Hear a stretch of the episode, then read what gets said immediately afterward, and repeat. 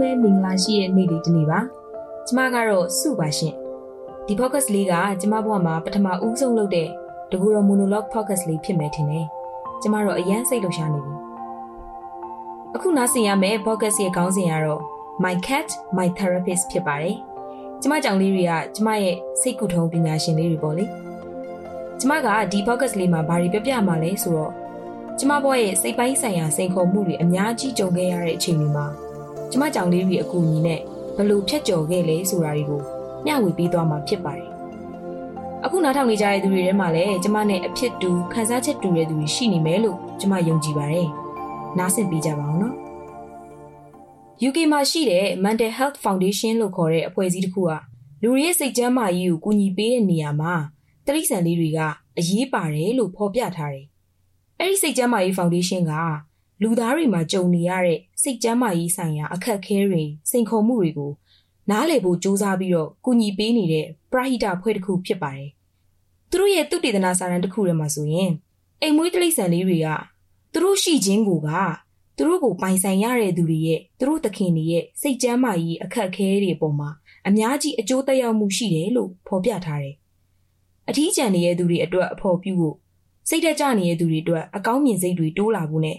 anxiety လို့ခေါ်တဲ့စိတ်ပူပင်သောကရောက်မှုတွေကိုသူတို့လေးတွေရဲ့အကူအညီနဲ့ကုသနိုင်တယ်လို့အဲ့ဒီ foundation ရဲ့စာတမ်းမှာဖော်ပြထားတယ်။ဒီအကြောင်းအရာတွေကိုစိတ်ဝင်စားလို့ထပ်ပြီးလေ့လာခြင်းနဲ့ဆိုရင်တော့အဲ့ဒီ Mental Health Foundation ရဲ့ website မှာတွားပြီးတော့ဖတ်လို့ရပါတယ်။ဒီ podcast ရဲ့ episode ရဲ့ description မှာလည်းကျွန်မအဲ့ဒီ website link ကိုထည့်ထားပါတယ်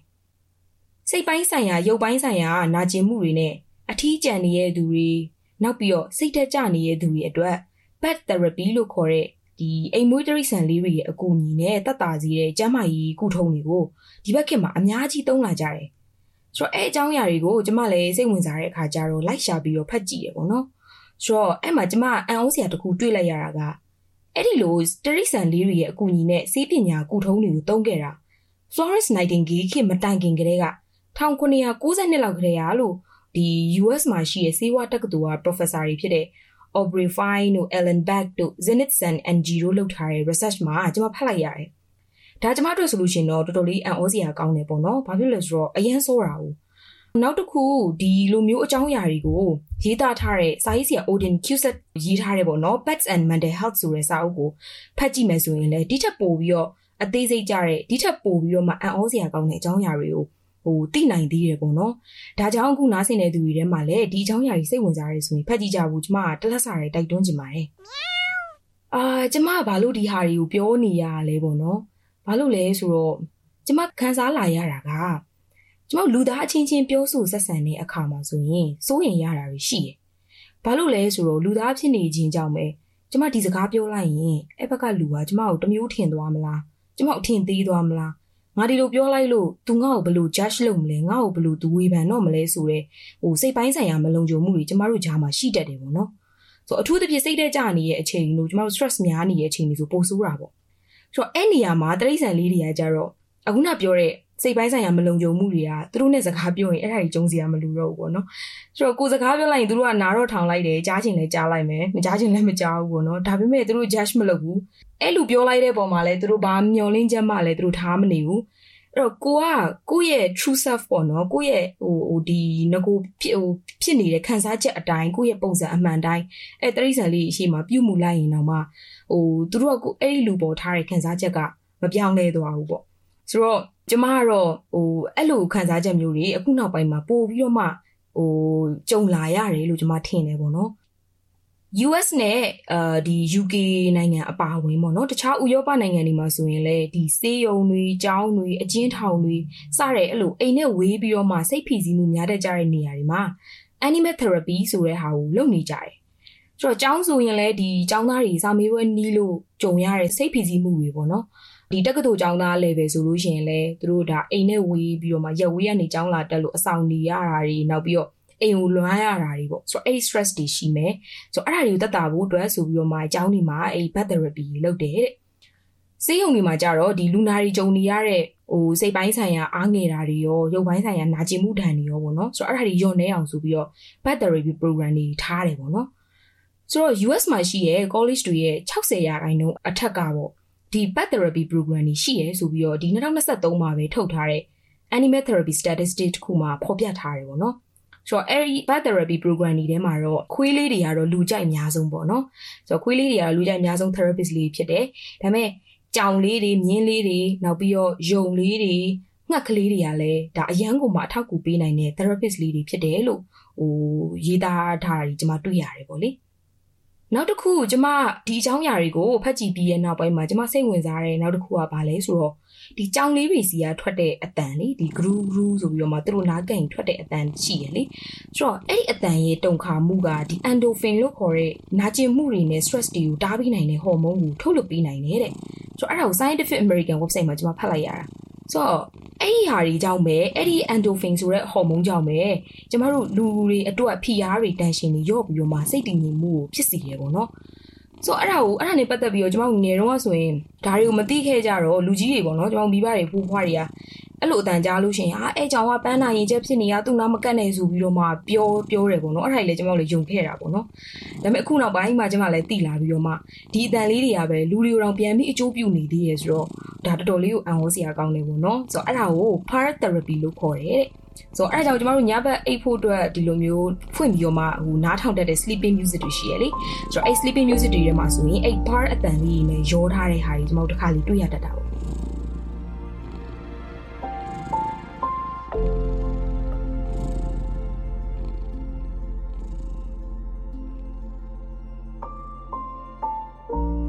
ဇန်ရီမဇန်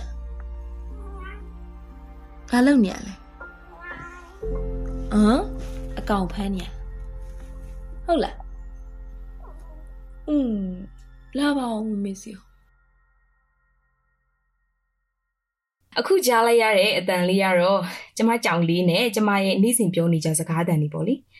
ကျမမှာအခုလက်ရှိကြောင်လေး၃ကောင်ရှိရဲ့ ဆိုတော့နှစ်ကောင်ကတော့ဂီဟာနေပြီးတော့မှခေါ်ပြီးကျမမွေးစားထားတာပေါ့အဲနောက်တစ်ကောင်ကတော့ထုံးစံတိုင်း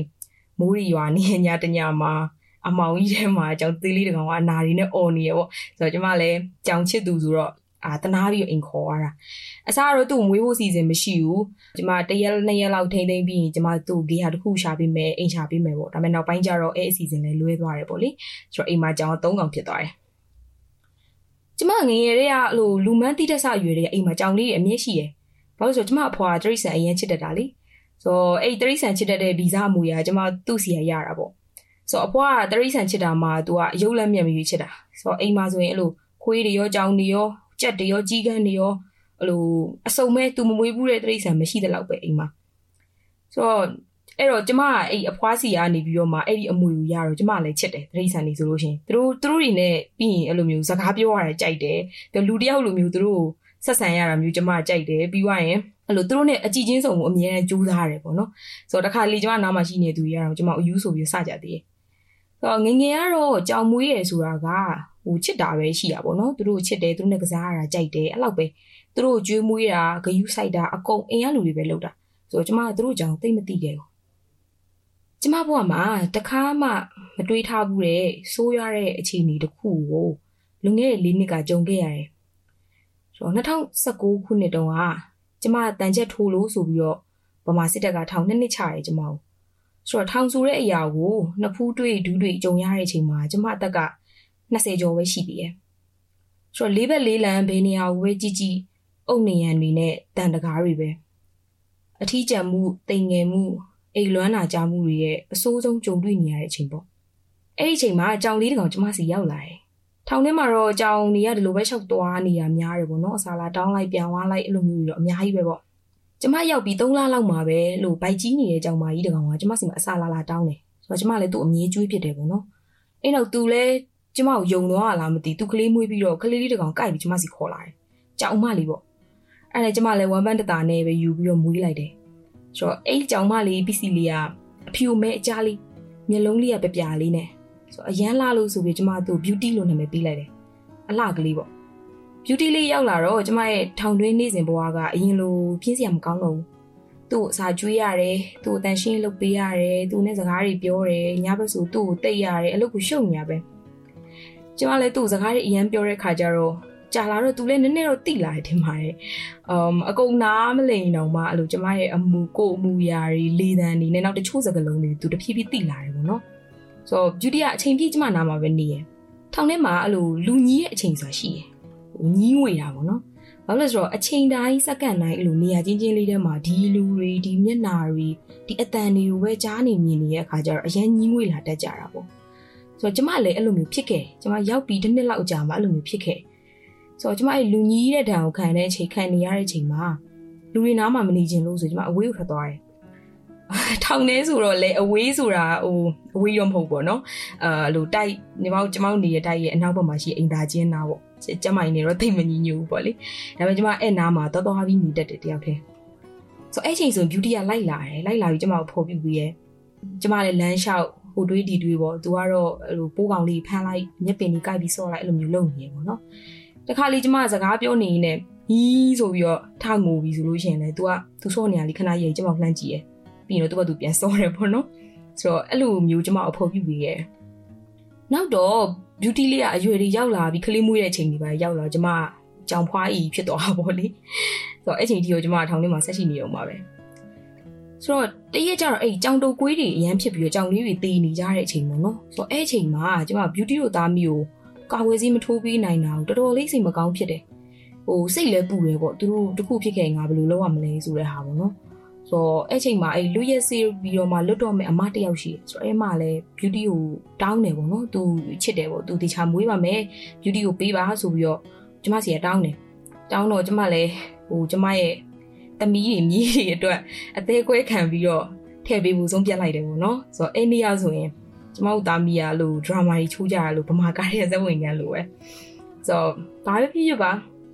ကျမရဲ့အဲ့လိုအထီးကျန်ဆုံးစိတ်အားငယ်ဆုံးအချိန်တွေမှာအကောင်းဆုံးဖော်ပြပေးခဲ့တဲ့ beauty လေးကိုတော့ကျမဘယ်တော့မှမိမှာမဟုတ်ဘူးကဲအဲ့တော့အခုကြောင်သုံးကောင်ရောဘယ်ကဘလူရောက်လာလဲပေါ့အမ်ကျမထောင်ကလွတ်ပြီးဘလောက်မှမကြောက်တိုင်းပြည်ကအာနာထက်သိမ်းခံရတယ်ဆိုတော့ဒီရေးခင်းကြောင်ပဲဘဝတွေအသက်တွေ ရင်းနှီးပေးဆက်လိုက်ရတဲ့သူတွေအများကြီးပေါ့နော်ဆိုတော့ဒါတွေမကပဲစိတ်ပိုင်းဆိုင်ရာအလဲလဲပြူပြူဖြစ်တဲ့ဟာတွေလည်းကြုံရတယ်ဆိုတော့ကျမလည်းအဲ့လူတွေကတယောက်ပေါ့လေအာပုံမွင်လင်းလင်းပြောရရင်ဒီတစ်ခေါက်ရတဲ့စိတ်ဖိစီးမှုကကျမထောင်ကြတော့ရတဲ့စိတ်ဖိစီးမှုထက်ပိုဆိုးတယ်လို့ပြောလို့ရတယ်ဘာလို့လဲဆိုတော့ဒီတစ်ခေါက်ကကျမနိုင်ငံထဲကနေပါထွက်ပြီးတော့အိမ်ဆိုင်တယောက်ရဲ့ဘဝကိုပေါ့ဖြတ်တန်းနေရတာပေါ့နော်မိဘတွေနဲ့ဝေးနောက်ပြီးတော့ငငယ်တွေကအမြဲချစ်ပြီးတော့ပေါင်းတင်ခဲ့တဲ့ငယ်ချင်းတွေနဲ့ဝေး ကိုရည်မြင်နဲ့ဝေးပေါ့လေဆိုတော့ဒီမှာနေရင်းနဲ့တခါတလေဆိုရင်အဲ့လိုနေရအစ်စ်အတိုင်းဝိုင်းအစ်စ်တွေဖြစ်တော့သူတို့ကြားမှာအရန်အထီးကျန်တယ်လူတွေနဲ့ပေါင်းသင်းဆက်ဆံရတာတော်တော်လေးလည်းဂရုစိုက်ရတယ်ဆိုတော့ဒီကာလလိုမျိုးဒီနိုင်ငံကြီးအကဲဆက်တဲ့ကာလဖြစ်တော့ပူဆိုးတာပေါ့နော်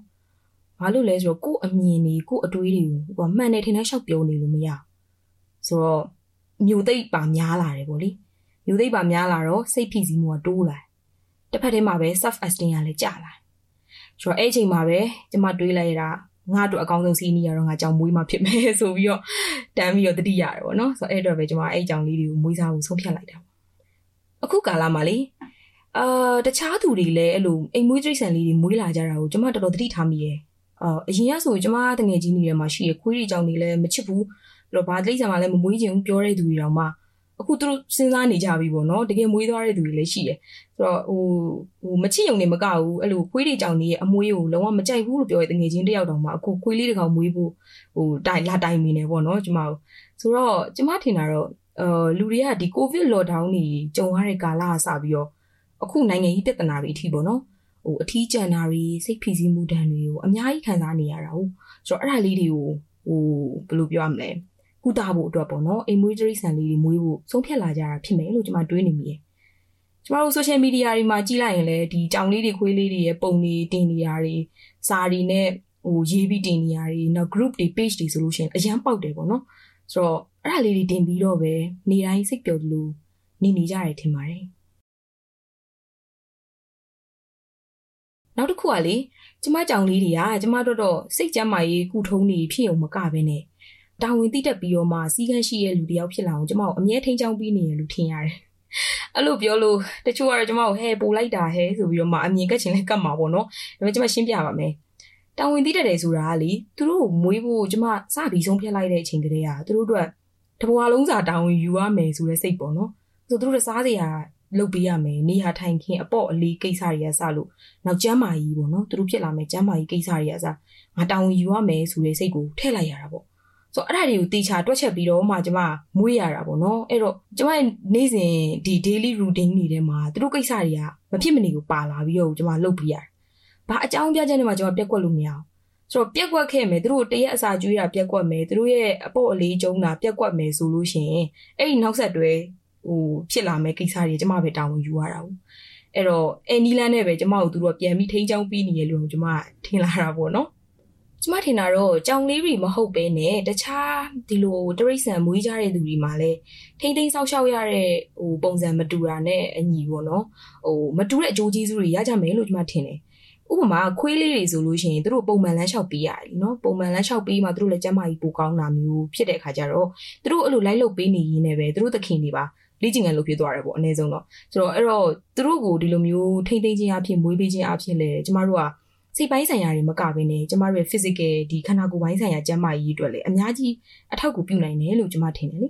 ။ကဲအခုနားဆင်ကြရတာတော့ကျမရဲ့အတွေ့အကြုံတွေခံစားချက်တွေပေါ့လေ။ကျမတယောက်တည်းနေရင်းနဲ့အထီးကျန်ဝမ်းနေတာတို့ခံစားချက်တွေဖောက်ထုတ်ပြီးပြောလိုက်ချင်တာတို့ဖြစ်တိုင်းကျမကြောင်လေးတွေရှိနေတာကျမတို့တော့ဒီကာလအစိုးရတွေကြားတွေကကောင်းကြီးတစ်ပါးလိုပါပဲ။တခါတလေဘာမှမပြောပဲသူတို့အမွှေးလေးကြားတွေခေါင်းထိုးလိုက်ရင်ကိုကျမရဲ့ ဒီစိတ်ဖိစီးမှုတွေကတော်တော်လေးတက်တာရရသွားတယ်ပေါ့နော်ဆိုတော့အဲ့ထက်ပိုပြီးကျမငိုတာကိုဘေးနားမှာမျက်လုံးအဝိုင်းသားလေးတွေနဲ့ထိုင်ကြည့်ပြီးတခါတလေပါးကိုရှာနဲ့လာရရရင်တော့အပျော်ဆုံးပေါ့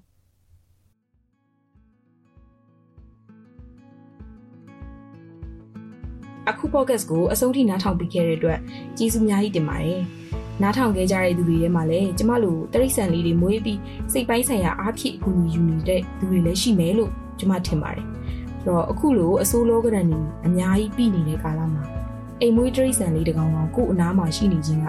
blessing တစ်ခုလိုသဘောထားပြီးစိတ်ပိုင်းဆိုင်ရာအခက်အခဲတွေကိုအကောင်းဆုံးကျော်လွှားနိုင်ကြပါစေလို့ကျမကဆန္ဒပြုပါတယ်အားလုံးပဲတတား